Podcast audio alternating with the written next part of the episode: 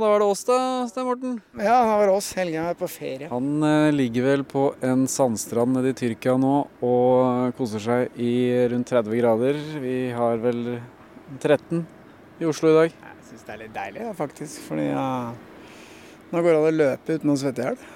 Bikkja mi syns det er veldig ålreit. Nei, Vi skal vel ta oss litt ferie snart, vi òg. Men først så skal vi lage en liten sånn spontanepisode. Fordi eh, nå på lørdag så var det jo pride eh, her i Oslo.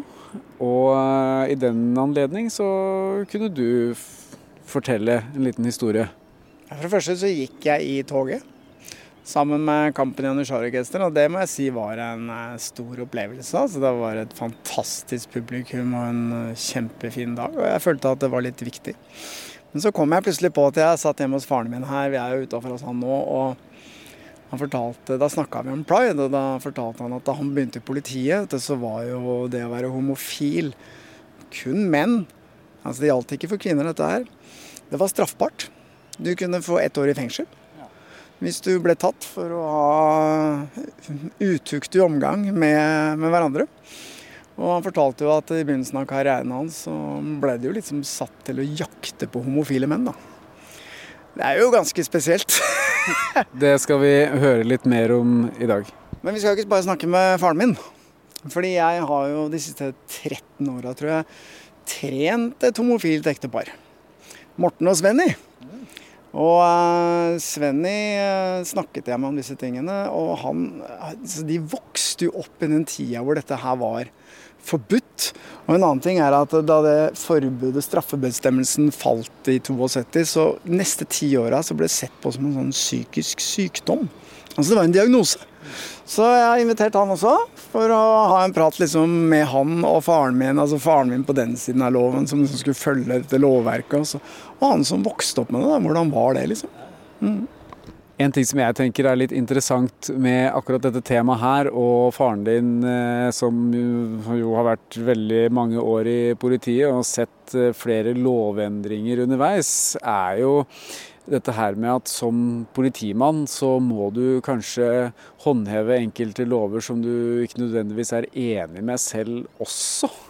Det er jo litt sånn moralsk eh, utfordrende, vil jeg tro, i en sånn stilling. Det er jeg helt enig Det syns jeg vi skal snakke med han om. Hvordan han tenker om det. jeg ringer til Svenny, han finner sikkert ikke fram. Noen minutter senere blir vi møtt av Sven Erik Riise, bedre kjent som Svenny. Svenny er en karakteristisk type med bustete halvlangt hår, briller og skjegg. For anledningen itrukket en avhørt T-skjorte. På han med avhørt T-skjorta! Herlig. Herlig stil. Ja. Hallo. Svenny er rektor ved Oslo private gymnasium og lidenskapelig opptatt av Armenia. Men i dag er han her altså for å møte Stein Mortens far, Leif Arlier. Tidligere privatetterforsker og etterforskningsleder i politiet i Oslo. Hvordan var det egentlig å vokse opp som homofil i en tid hvor politiet skulle straffe deg for legningen din?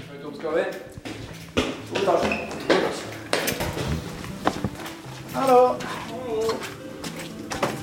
Tilbake fra Sverige.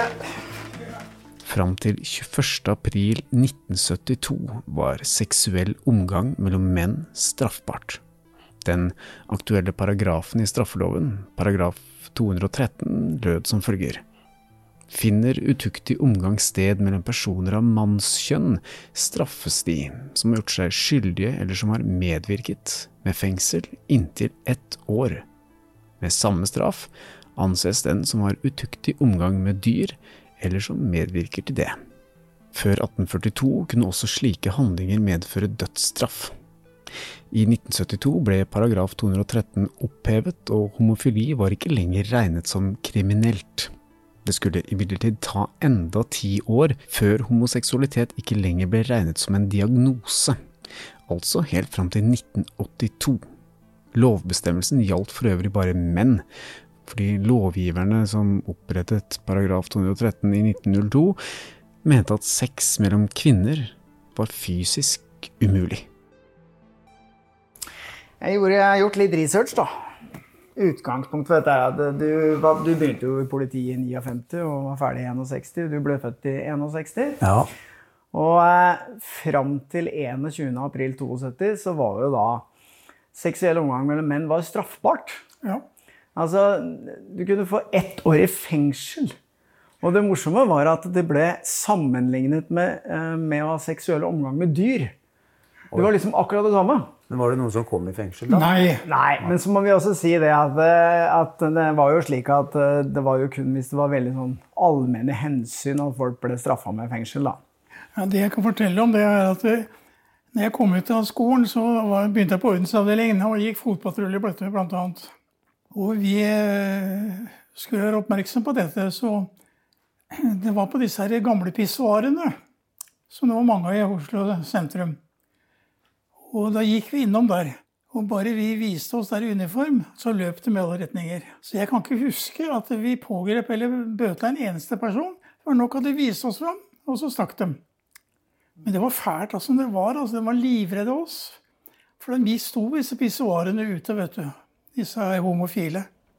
Men de var livredde for politiet, for eh, de visste at de kunne bli straffa. Jeg kan ikke huske at vi straffa noen i hele tatt. Det var nok at de bare viste fram uniformen, så stakk de. Men det skapte jo en eller annen form for frykt, selvfølgelig? Da. Det ja, det var frykt for å bli tatt.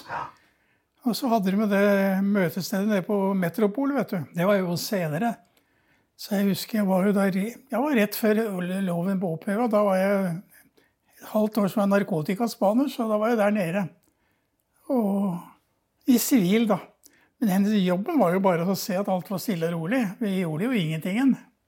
For det var jo Alle på Metropolia var homofile. Og det var greit nok. Så jeg har aldri blanda meg borti det der. For jeg, er så sikker på det at om det er noen menn som er glad i menn, så må de få lov til det. Bodd, vi har bodd sammen eller ved siden av homofile par. Og det er verdens hyggeligste mennesker. De er så koselige som bare det. Så min oppfatning er at den der, den der loven var jaggu på tide av ble. Det var helt vanvittig. Men hvordan var det liksom å starte i politiet og måtte forholde seg et sånt lovverk som det? For jeg, Som politi så må du jo liksom forholde deg til lovverket. Du har ikke så mye valg. Ja, det var det som var jobben vår. Men eh, på den annen side så var det ingen som Jeg kan ikke huske at det var noen som sa at vi skulle pågripe noen og bøtelegge dem eventuelt.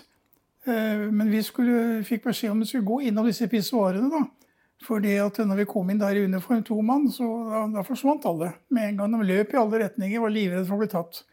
Men jeg kan ikke huske at jeg pågrep den ene sted på den tida. Jeg gikk jo ikke lenge i fotballtrening. Jeg gikk jo fra 61 til 63, eller 62 bare. Ett eller to år.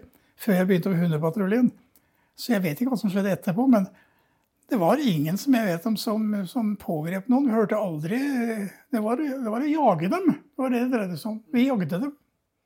Ja, du er jo født i 61, eh, Svenny, så du vokste jo på mange måter Nå var jo ikke du gamle gutten da dette her ble opphevet, men det som er interessant, er jo at eh, etter 72, helt fram til 82 faktisk, så det ble det jo sett på som en diagnose. Altså Det var liksom noe gærent med deg. Altså, hvordan var det å vokse opp i, med det? Nei, først så, så må man jo skjønne at man er det. Det gjør man jo ikke før man vanligvis kommer i puberteten, tror jeg. Eh, så jeg var født i 61, så da gikk det vel til kanskje 75 da, før jeg skjønte at det var noe som ikke stemte. Og eh, nei, det var ganske tøft fordi at eh, det, det var aldri snakket om. Det var jo det var ikke noe i skolen om det. Det var liksom ikke noe under seksualundervisning, så ble ikke det nevnt. man hadde masse skjellsord på det, det ble, det ble kødda med. Eh, og jeg vokste opp i Moss, og det er en ganske fæl by når man tenker på det å være homo. Fordi den eneste eh, som jeg visste om som var homofil, i tillegg til meg, det var en sånn som man kaller en skrulle i dag, altså som gikk i kjoler, og som var en sånn rar fyr i Moss. sånn at eh, vi hadde jo ikke noen forbilder heller. Det var jo ingen som sto fram og fortalte at de var homofile. Så det var veldig, veldig tøft. Og det gjaldt jo også gjennom hele gymnastiden, egentlig. Eh? Mens eh, alle i gjengen var ute og drakk og, og fylla og fikk damer og sånn, så gikk jo jeg der og, og, fikk damer, men eh, jeg kunne jo aldri gjøre noe med det jeg egentlig ville. Og så forelska jeg meg da i en kamerat på videregående som selvfølgelig var hetero som et brød, med masse traumer og ganske fælt. Så, så det, det, det, det, var tøft. på en måte å gå og skjule det og være veldig redd for at noen skulle oppdage det. og sånn. Så jeg prøvde jo å være så lite feminin som mulig. da, altså Satse på andre interesser enn en det som er typisk feminine ting. For, for jeg skjønte at uh, da ble jeg avslørt, så det kan jeg ikke. Så ja, jeg tror jeg klarte å skjule det veldig godt. Men uh, da jeg Og så gikk jeg på lærerskolen, uh, og da tenkte jeg også at nei, det er best å skjule det her. De ansetter sikkert ikke homofile lærere. Sånn satt jeg. altså Det var faktisk ganske sånn man lagde jo mye tanker som ikke stemte. ikke sant? Jeg tenkte Hvis jeg kommer ut til familien, så syns de at jeg er helt håpløs. Uh, alle venner kommer til å synes det er forferdelig, så her gjelder det å ligge veldig lavt og ikke si noe. Men den dagen jeg endelig kom ut, så var det kun én kamerat som slo hånda av meg. Ingen andre. Alt var liksom greit. Men da, skulle det gå, da var jeg 25 når jeg fortalte det til de første. fordi da kom den trangen på at sant, alle fant kjærester, folk begynte å gifte seg, de etablerte seg. Og det var jo det jeg ville. Det var ikke noe sånn, Jeg ville ikke være homo som, som gikk på fest og og lå med 100 stykker. Og det begrensa seg jo veldig seg sjøl, fordi idet jeg kom ut, så kom aids. Det var omtrent eh, simultant. Så jeg turte ingenting. ikke sant? Jeg gikk på Metropol, som du nevnte, og gikk på de stedene. Men, eh, men eh, da var det sånn Nei, jeg, jeg, tør ingenting, fordi du kan bli dårlig, du kan dø av det. Så, så jeg ble jo kjent med noen og hadde litt sånn småkjærester og sånn. Og så var jo problemet at når jeg først hadde kommet ut til en gjeng, og så bytta jeg jobb, så måtte jeg liksom komme ut på nytt og på nytt og på nytt. Så det fortsatte jo sånn, da. Men eh, så har det jo skjedd en sånn revolusjon da egentlig fra ja, 2000 framover. At uh, dette her har blitt helt stuereint. ikke sant? Nå er, det jo, nå er jeg rektor, og hele skolen, alle som jobber der, foreldre, elever, alle vet at jeg er homofil og er gift med en mann. Og dette syns de er kult. altså Det er rett og slett blitt en greie. Og jeg kan til og med tillate meg å si hvis det kommer en gutt på kontoret og sier at 'jeg har fått meg kjæreste', og 'er det gutt eller jente?' Og så ler de litt. da, 'Nei, det er jente'. Eller av typen det ringer folk faktisk til meg på min skole da, fra Sørlandet, fra bygder på Vestlandet og lurer på 'kan jeg være så snill å få begynne hos dere'? Og så lurer jeg på hvorfor. Jo, det går noen homofile der som er åpne, og vi har hørt at ingen blir mobba eller sett ned på. Så tenker jeg ja vel, da er det noen steder det fortsatt er problematisk. Eh, hos oss er det ikke. Og de, vil, de gjør alt for å få, få plass på, på, Oslo private gymnasium. Og det er ikke fordi jeg reklamerer for det eller snakker om at jeg kom hit, alle homofile. Men, men, de som er det eller ja, Jeg vet ikke om alle har stått fram, men jeg tror per, per, nå så er det i hvert fall tre stykker som har stått fram som homofile fra og med første klasse på videregående. Så det er en helt annen tid. Og det syns jeg er veldig, veldig fint. Det har skjedd noe. Det har skjedd noe, veldig, Og det har gått veldig raskt. Men Hvordan var det å jobbe i politiet, karrieren din, hvis du var homofil? Da? Det kan ikke ha vært enkelt. På den tiden jeg begynte i politiet, så var det ingen som sto fram som homofile. Vi kjente ikke noen. Men så gikk det åra, og etter at loven ble opphevet i 1972, så var det noen som begynte å ja, Vi skjønte jo at de var Men det begynte først med jentene. De lesbiske. Spesielt på kantina så satt de stort sett ved samme bord. Og det var ganske mange lesbiske jenter. Eh, men færre homofile menn. Og, men noen var det, og jeg hadde jo en på avsnittet hos meg. Men det var ikke noe snakk om noe mobbing. eller sånt. Vi syntes det var helt greit. Det var hans, hans måte å leve på. Vi blanda oss ikke borti det. Og jeg tror ikke han fikk et vondt ord. ja. Så eh, etter hvert så gikk det seg til. Men på 60-tallet da var det ingen som sto fram som homofile. Eller lesbiske. Ikke tale om. Men uh, vi skjønte jo etter hvert at det var noen der, da. Men uh, den ville ikke erkjenne det. Nei, for det er vel en sånn omtrent 10% av befolkningen, hvis jeg har lest uh, riktig? Jeg, jeg husker ja, ikke, jeg tror det. Jeg, jeg mm. håpa på at det stemte, det at det er 10% Men de snakker om fem, da, mellom fem og ti. Okay. Og det er en sånn fast greie. sånn at Man kan jo, hvis du hører på Eh, østeuropeiske ledere, da, Ungarn og Polen og, og Putin og sånn, så er det jo Ja, de tror at noen blir det fordi det er populært. Men der kan jeg bare love dere at det er, det er ingen som velger å bli det. Eh, og det er ikke mulig heller. ikke sant? Jeg kunne ikke valgt å bli heterofil. Det, det kan man ikke. Men visstnok så sier forskningen at det er et fast antall, det er et prosentantall i alle befolkninger. Så selv, selv, i muslimske land som sier at det har vi ikke, jo, de har det. Men de tør ikke å stå fram fordi det er straff for det. Sånn at eh, ja, mellom 5 og 10% kanskje er, er det antallet. Ja. Homofile morsom digresjon er vet du, at i loven eh, som ble oppheva i 72, så var det ikke forbudt for kvinner. Nei. Vet du hvorfor? Nei. Fordi at Da de lagde denne loven i 1902, så mente de at, det var, altså at eh, sex mellom kvinner var umulig. Ja, sånn. Det var ikke mulig. så det ble ikke en del av loven.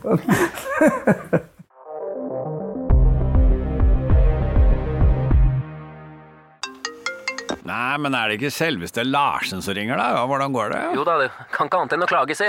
Ja, Hva er det du lurer på i dag, da? Nei, eh, eh, jeg bare tenkte på eh, Ja, hva tenkte du på? den fakturaen som har forfalt. Å ja, den, ja. Oh, oh, jeg må rett og slett bare ha glemt den fakturaen. Jeg skal Visste du at åtte av ti betaler etter første purring? Ikke vent for lenge. Med Amili, en ny løsning fra Visma, får du alt du trenger for raskere betaling. I én komplett løsning. Se hvordan på amili.no.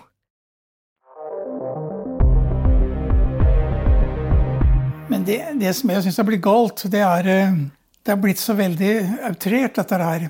Eh, Det er noen som absolutt skal kle seg i sånne masse rare klær og, og vise hvor feminine de er.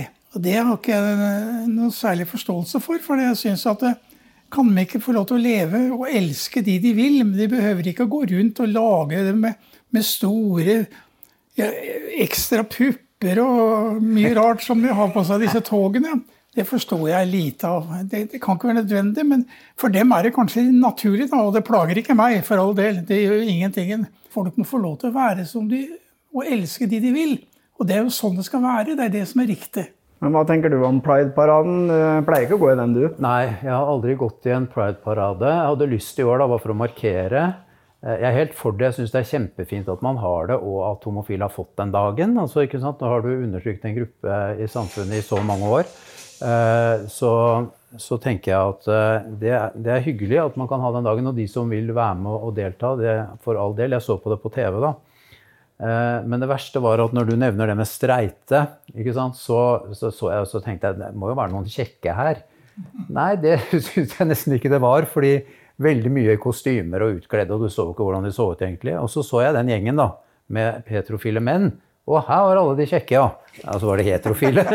Så, så nei, jeg har jo alltid hatt eh, et sånn Altså, jeg har ikke noe mot det. De må gjerne kle seg ut og, og finne på alt mulig. Men det er på en måte ikke der hvor jeg står. fordi jeg har vel ønska meg og etterlyste også at når homofile uttaler seg på TV, eller uttaler seg, så må de gjerne bruke folk som er eh, outrerte og som kler seg ut. Men av og til så bør det også være sånn som oss helt eh, slags eh, vanlige mennesker da, som lever helt eh, normale liv og ikke har på seg kjoler og ikke, ikke kler seg ut og sånn. Sånn at man får det også. fordi jeg tror at flesteparten av de homofile det er helt vanlig. Altså, man kler seg ikke ut og man gjør ikke de tingene. Men så er det fest og en slags karneval, så gjør man det kanskje da.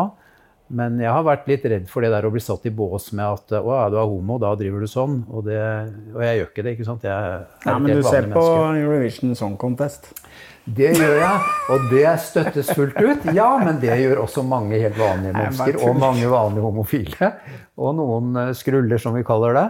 Men eh, det tenker jeg er, det er også en stor dag. For meg den største dagen i året. Det er viktigere enn både 17. mai og pride og nyttårsaften til sammen.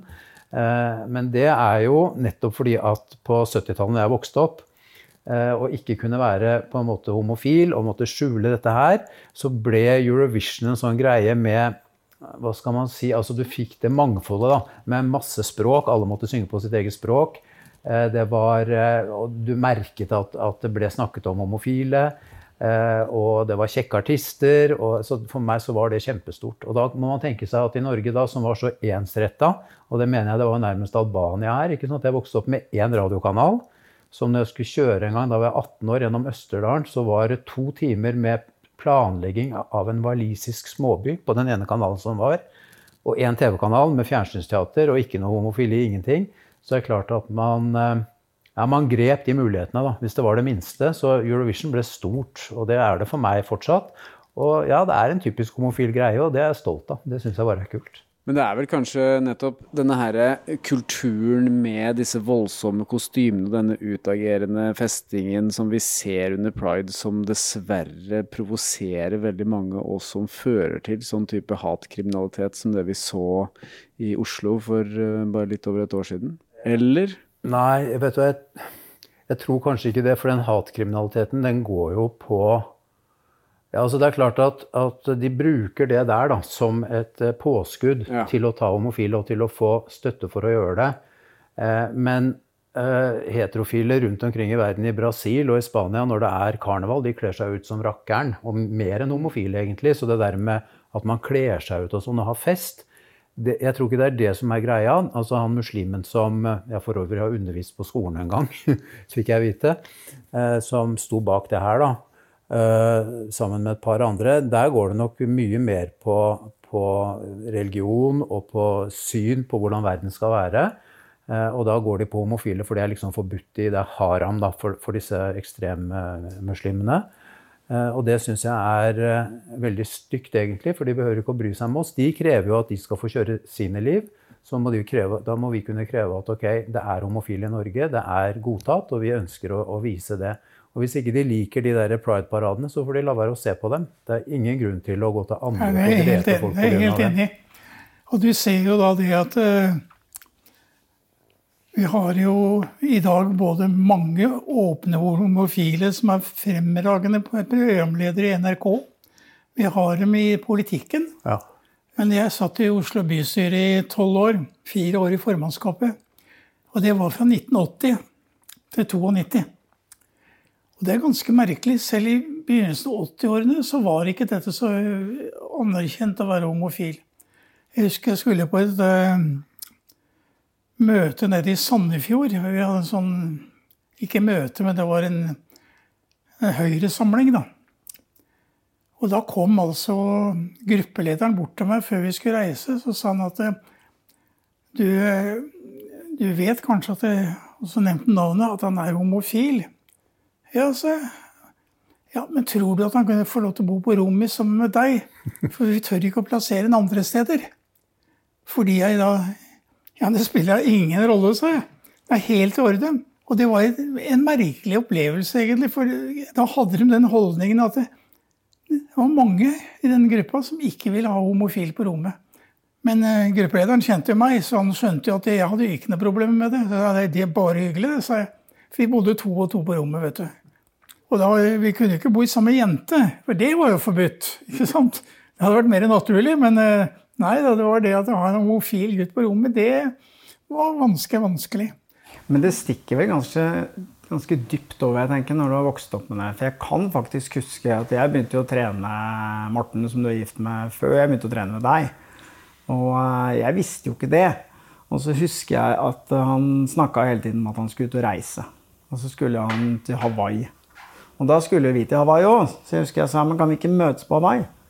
Og så husker jeg han ble veldig så alvorlig og så sa han, ja, men jeg må fortelle deg en ting. Og så skulle han liksom fortelle det, da. Jeg tenkte, ja, so what?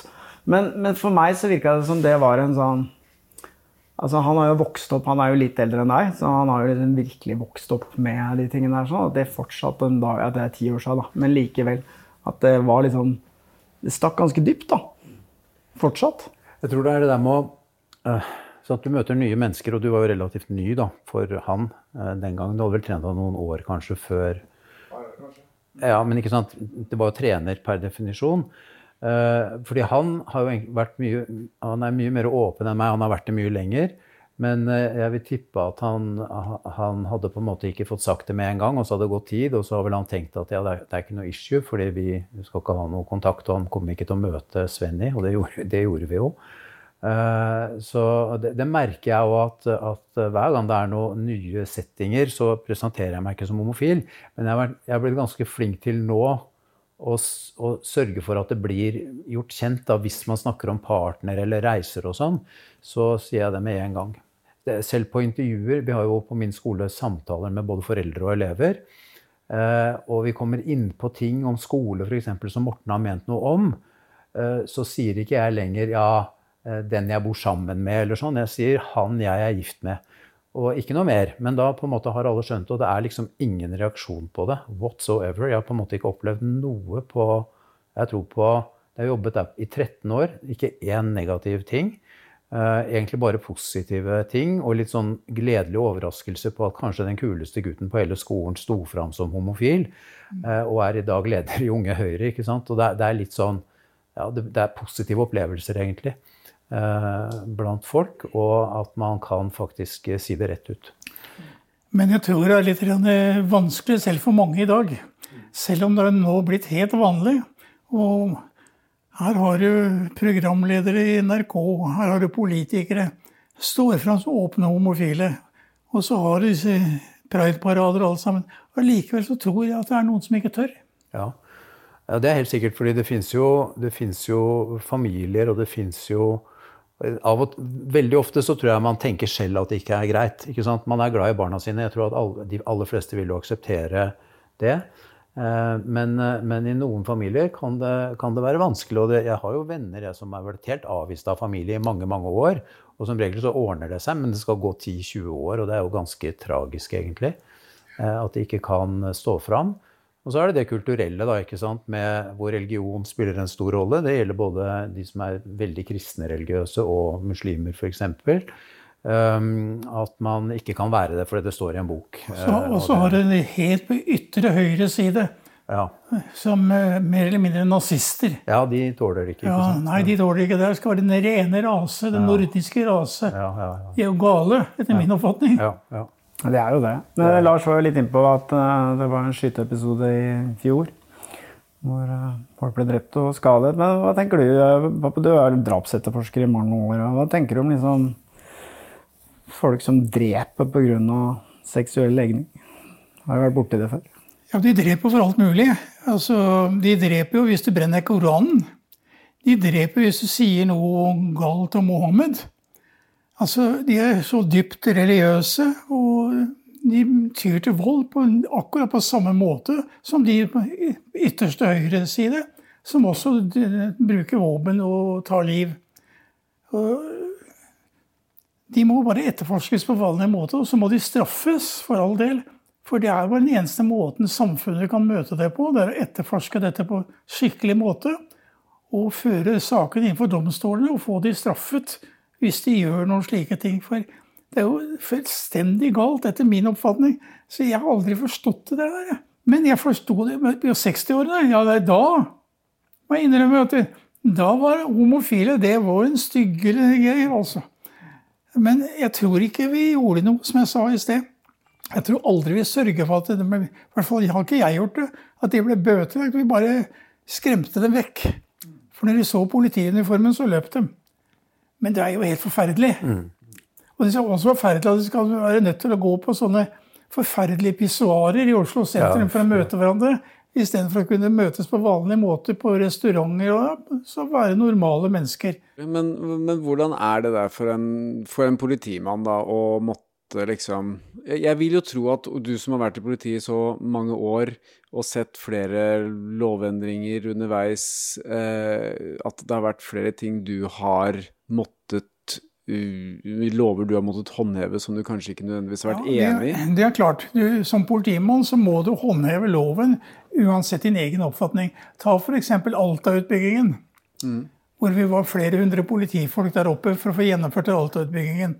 Jeg kjenner og vet om veldig veldig mange som var enige med demonstrantene. Men jeg er politimann, så jeg må gjøre jobben min. Til tross for deres egen overbevisning så måtte de gjøre jobben sin opp i Alta. Og slik er det nok i politiet, at eh, du kan ikke ha egne oppfatninger. Og så er det i Forsvaret òg. Hvis det er slik at det er lover og regler og, sjefer som forteller at sånn må du gjøre det, ja, så har du bare et valg. Enten så gjør du jobben, eller så må du bare slutte i den jobben. Da, da kan du ikke utføre den. Eh, og, og, derfor er det så enkelt i dag, da, fordi at eh, når det gjelder homofili, så er dette så akseptert, så nå er det ikke noe å diskutere engang. Men den gangen var det vanskelig. Men jeg så det ikke på som vanskelig. Det var ingen, Jeg kan ikke huske en eneste sjef som sa til meg at nå skal dere gå ut og skal ta homofile. Men dere skal sjekke opp disse pissoarene og gå innom, så de forsvinner de. Og det gjorde vi. For det var jobben vår.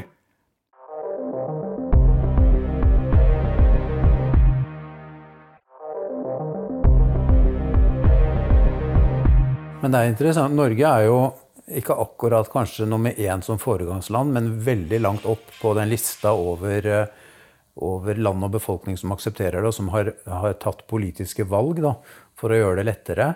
Og så ser man egentlig hvor fort det går fra å være forbudt og ikke sant, eh, blitt tatt av politiet en sykdom. Til, ja, til en sykdom, til mm. diagnose, til at det er helt normalt og til og med har en egen dag. Og det gjelder jo for så vidt eh, ja, Sverige, Finland, eh, Belgia, Nederland, Luxembourg, Frankrike, USA og Canada. Så det, det, har skjedd masse. Og til og med i Spania, som jo var, var under Franco, og hvor det var også forbudt, ikke sant? det er ikke snakk om. De har jo nå egne turistområder bare for homofile, hvor det er fjellbønder som styrer. Eh, og hvor de syns at dette her er kjempefint. Det er klart, Da ligger det økonomi i det, men de har på en måte ikke noe, ikke noe problem med å tillate Men så er det Ungarn, da, med Irban. Ja, han, men han har så mye annet rart for seg òg. Ja. det, er jo ikke, det er jo ikke bare homofili. Men han er jo Og så er det polakken. Han er, I Polen også er det jo eh, problematisk. Og de er med i EU, men de er veldig glad. Jeg, jeg har alltid vært for EU av mange grunner, men det er én grunn. Fordi de tvinger faktisk de befolkningene i kne når det gjelder bl.a. homofili og synet på minoriteter. Eh, det må være demokratier, folk skal ha rettigheter. Og de har måttet innføre det, sånn som Estland, Latvia, Litauen. Og de ugler seg jo faktisk han Urban ganske mye i, i, parlamentet der.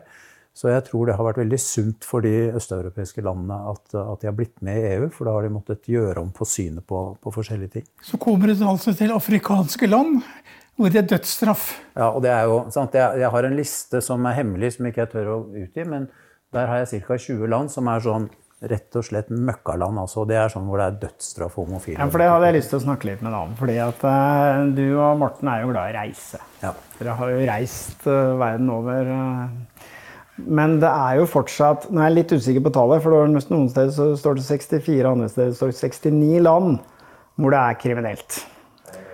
Og så tenker man kanskje at det er eh, litt sånn i lånet som du har lista opp. Altså Afrika er jo helt håpløst. Eh, nesten alle land der er jo eh, varierende grad av straffer. Men, men det er jo ikke Visste du at Maldivene, f.eks. Ti år i fengsel. Er det det? Mm. Jeg visste det ikke. Jeg har ikke vært der heller. Men da skal jeg ikke dit. og så land, altså øyer i Karibia. Ja, der også. Jamaica. Ja. Det er flere land i Karibia også hvor det er straffbart. Ja. Og øyer i Oseania, altså nede i Australia og New Zealand. Eh, noen øyer der nede eh, også. Som det er, eh, altså, hvordan påvirker det reiseplanen deres? Tenker du på det? Du sa i et annet, du hadde en liste over land. Ja, ja det, det, har ikke vært sånn um, at jeg, har, Det er jo land som jeg kanskje ikke ville reist til uansett. da. Jeg har ikke tenkt å dra til Aserbajdsjan. Det er liksom sånn, det er av mange grunner. Og det er selvfølgelig, da putter jeg på den homohatet der på det andre. Men tenk hvis du er i Australia eksempel, og så bestemmer du deg for å ta en liten øyhopprunde. Ja, ja, Tonga. ja det, og det, det, hadde jeg bare gjort. fordi man bør jo ikke si at man er det mens man er der. Vi har jo Morten og jeg kjøpte jo en leilighet i Malaysia. Det er, det er et muslimsk land. Men eh, de tillater kristne og de tillater buddhister. Det er ikke sånn ekstremt muslimsk, men det er, det er ganske strengt. Og det er straff for å, å være homofil. Eh, og vi har til og med kjøpt leilighet der. Og da tenkte jeg ikke på det i det hele tatt, at det var noe issue. Men det er klart, vi på en måte automatisk så skjønte vi når vi kjøpte det, at her er det ikke noe issue å si at vi er gift. Så vi er på en måte offisielt bare kamerater der til alle naboene og alt det der. Og så, De fleste vi har snakka med, de skjønner jo det der, hvordan det henger sammen. Men de syns at vi er så morsomme, for vi blir kjent med dem. Jeg tuller med dem. Jeg tar på meg hijab og ler, og de holder på å le seg i hjel, disse muslimske damene. Det er, det er et veldig liberalt og morsomt folk.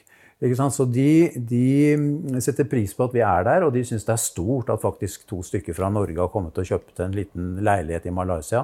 Så vi har aldri hatt noe problem der. Um, så kan det sikkert være at noen kan bli provosert, og sånn, at det kunne ha skjedd noe, men vi ligger jo lavt. Vi går ikke og leier hverandre på gata og kysser offentlig og sånn i Malaysia. Det gjør vi ikke. Men jeg har i grunn sånn Jeg har vært i Russland, jeg har vært i Baltikum, alle de landene som, um, hvor det kan være et problem. Men jeg har jo på en måte aldri demonstrert det. Men hvis jeg får spørsmål, så, så sier jeg at det er sånn. Og det samme gjelder jo jeg må bare komme inn på det, Stein Morten. Når det gjelder Armenia, det er også et sånt land som jeg elsker overalt i denne verden og jobber veldig hardt for. Men synet på homofili der, det er ikke bra. ikke sant? Det, det henger igjen fra tiden i Øst-Europa. Det er en machokultur. Og, og de, de, sier av og til når jeg diskuterer det ja, nei, men det er greit, men Armenia har andre problemer enn det. Og da svarer jeg ja, men det problemet kan man jo gjøre noe med. Sant? du kan ikke gjøre noe med attakk fra Tyrkia og Aserbajdsjan, men du kan jo faktisk gjøre noe med Eh, at man ikke er stuereint av å være homofil. Eh, og så lurer de på ja, er du det, da, ettersom du snakker om det. Ja, det er jeg. Og da er det greit. ikke sant? De kjenner meg godt, jeg jobber for landet, jeg elsker det, de skjønner det. Og det er på en måte ikke vært noen negative reaksjoner. Og mannen min er der, og da sitter Morten der. Så jeg tror det egentlig handler om å bli kjent med noen som er det. fordi den ideen man får veldig ofte, det er at homofile er bare sånne som løper rundt i kjoler og tant og fjas og tull og tøys. Men det er jo ikke. Og så opplever du jo da noen som er ressurssterk, og som faktisk jobber for en sak man er enig i, og, og som er sympatisk. Og, for de vet ikke hva det er. Og det man ikke vet hva er, det frykter man jo. Så jeg tror det ligger noe der. Men eh, nei, jeg har, jeg har, på en måte aldri tenkt på at jeg ikke skal dra noe sted pga. homofile lover. Men, men, eh, det kan hende jeg begynner å gjøre det. Altså, det er klart, Jeg har ikke tenkt å dra til Uganda hvor det er dødsstraff. Jeg syns ikke de fortjener mine penger. Det er noe med det der. Ja.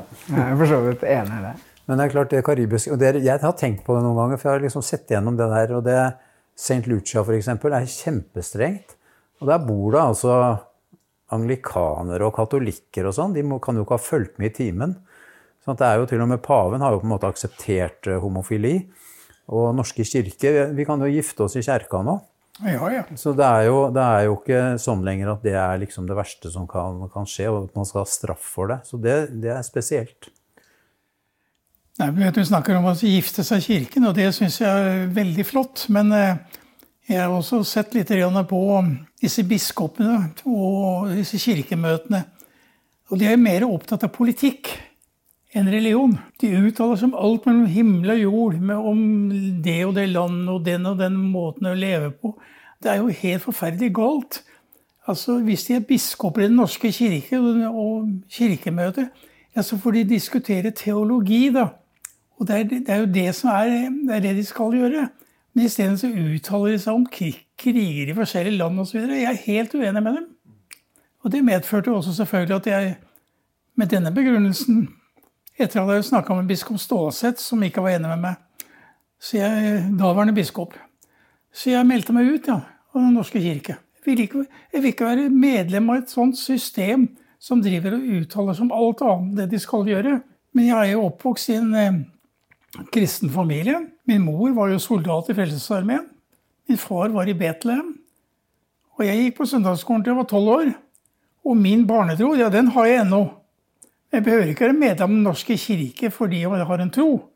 Og det er min filosofi på det hele. Jeg syns ikke det er Kirkens oppgave å mene så veldig mye om dette. Bortsett fra å la det selvfølgelig forgifte seg i Den norske kirke. Ja, det skulle bare mangle. Men eh, vi må runde av dette her. Men eh, sånn mot slutten, du er jo også religionslærer. Svenny. Hvordan er det å være religionslærer og si, undervise i islam og kristendommen og alle de tingene der? Er det problematisk for deg? Nei, nei jeg har alltid likt det. Jeg har alltid syntes det har vært veldig spennende. Fordi det faget, det, det, jo, det er jo livssynsnøytralt. ikke sant? Du skal behandle alle religioner, og du skal se på det sånn utenfor, utenfor perspektiv. Og det, det, å diskutere det og komme fram til ting og høre på hva elever mener om det så Jeg har jo hatt strenge muslimske elever som har elska de timene, fordi de har fått sagt sitt og har diskutert det veldig mye og kommet med nyanser og alt mulig sånn. Og det som er kanskje mest interessant, det er jo ikke altså Det er lett å si ja, ja, muslimer er mot homofili. Nei, det er jo ikke det. ikke sant? De har en idé om at det står i den boka. Men det er jo ikke sånn at alle dem går rundt og vil drepe alle homofile eller ikke liker dem. De liker jo meg kjempegodt. Folk fra Pakistan og Somalia og alt mulig. Det går kjempefint. Men det er å diskutere perspektivet. ikke sant? Hvorfor eh, tar kirken, moskeen, imamene og, og jødene også avstand fra homofili? Jo, for det står i den boka. Og så kommer man alltid litt videre, og så blir det en aksept eh, for det. Så akkurat den biten er egentlig veldig grei. Og så er det alle de andre bitene som også er, sant, som er eh, Nei, så det faget, det, det er det morsomste jeg underviser. Ja, men vet at jeg, Disse leser jo Koranen på sin måte. Akkurat som de kristne leser Bibelen på sin måte. Og du kan alltid finne sitater både i Koranen og i Bibelen som støtter ditt syn. Men du finner også masse i Bibelen og i Koranen som ikke støtter deres syn. Og så velger de seg ut av enkelte, dag, enkelte, deler av Koranen og Bibelen, og så er det som er den riktige fortolkningen. Og det er ikke det. Det er det å kunne snakke med mennesker og forstå mennesker og kunne leve sammen på en fredelig måte. Det er det som er Koranens opprinnelige bud, og det er Bibelens opprinnelige bud. For det er ikke noe forskjell, etter mitt syn, på Koranen og Bibelen. Eh, jeg tror også det bare er én gud. Og de tror på den samme guden, men de har forskjellige bøker. Og de har forskjellige oppfatninger. Det har ikke så mye med religion å gjøre. Jeg tror det har mye med kanskje kultur og hvordan de er oppvokst å gjøre. Jeg skjønner jo Det er ikke lett å komme fra en liten landsby midt i Pakistan og på en måte tilpasse seg alt som er vestlig med en gang, og at det, at det kan ta tid. Men Bibelen er egentlig veldig enkel, fordi det står noe om Sodoma og Gomorra. Det, er der på en måte den homofiligreia kommer fra. At menn lå med mm. menn, og Gud knuste de byene. Så kommer Jesus, og han sier 'la de små og svake, de som er undertrykt, komme til meg'. sier. Han nevner aldri noe negativt om menn som ligger med menn, eller homofili og den type ting. Lesbiske er ikke nevnt noe sted i Bibelen. Og da spørs det jo hva er det man vil legge vekt på. Og det er, har vært lett match for norske kirke og for prester å si at det homofili skal vi ikke ha, fordi det, det passer sånn. Men vi, har, vi, vi, følger jo ikke de andre reglene i Gamle Testamentet. Vi følger ikke korsreglene. Vi, vi, spiser både svin og reker og alt mulig. Så det har man på en måte forlatt. Men akkurat det tok veldig lang tid. Veldig. Så det er liksom noe med eh, det å velge ut hva man vil følge. Og der, det beklager jo faktisk mange nå geistlige i dag. At de har hatt det synet på homofile. For det var jo lenge sånn under Bondevik og sånn. Så var det jo nei, men vi aksepterer homofile, men dere må ikke ligge med noen. Altså Du skal leve et liv i sølibat fordi du er homofil. Hva er det der? Da aksepterer du det jo ikke. Nei, så det er jo en greie. Men nå har det jo blitt helt annerledes også. Ja, og det begynte veldig mye med den såkalte åpen kirke. Hvor det var eh, det jeg kaller litt liberale teologer som begynte å forstå noe om dette. Og nå har vi heldigvis kommet så langt at nå er vel dette akseptert av 90% av den norske befolkningen. i hvert fall. Og forhåpentligvis blir det 100 òg. Blir sett på litt rart hvis man på en måte Jeg tror det de blir litt eh, frosset ut hvis det er noe sånn negativt om homofile, eller hvis det er eh, virker som om det er ikke noe, det er ikke populært å være mot eh, på en måte finne Nei, det er en form for diskriminering. Ja, kort og godt. De mennesker som er glad i noen, får lov til å være glad i noen uansett kjønn. Det er nå min enkle oppfatning av det hele.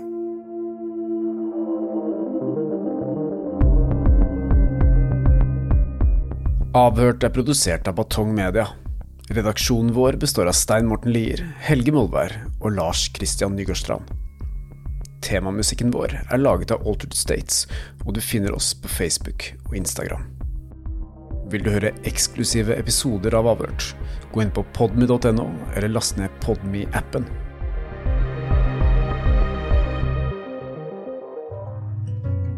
Hvis du setter pris på Avhørt og syns at den jobben vi gjør er viktig, så kan du støtte oss ved å vippse til 8075 99, eller søke opp Batong Media i vips appen Og vi setter stor pris på alle bidrag, store og små.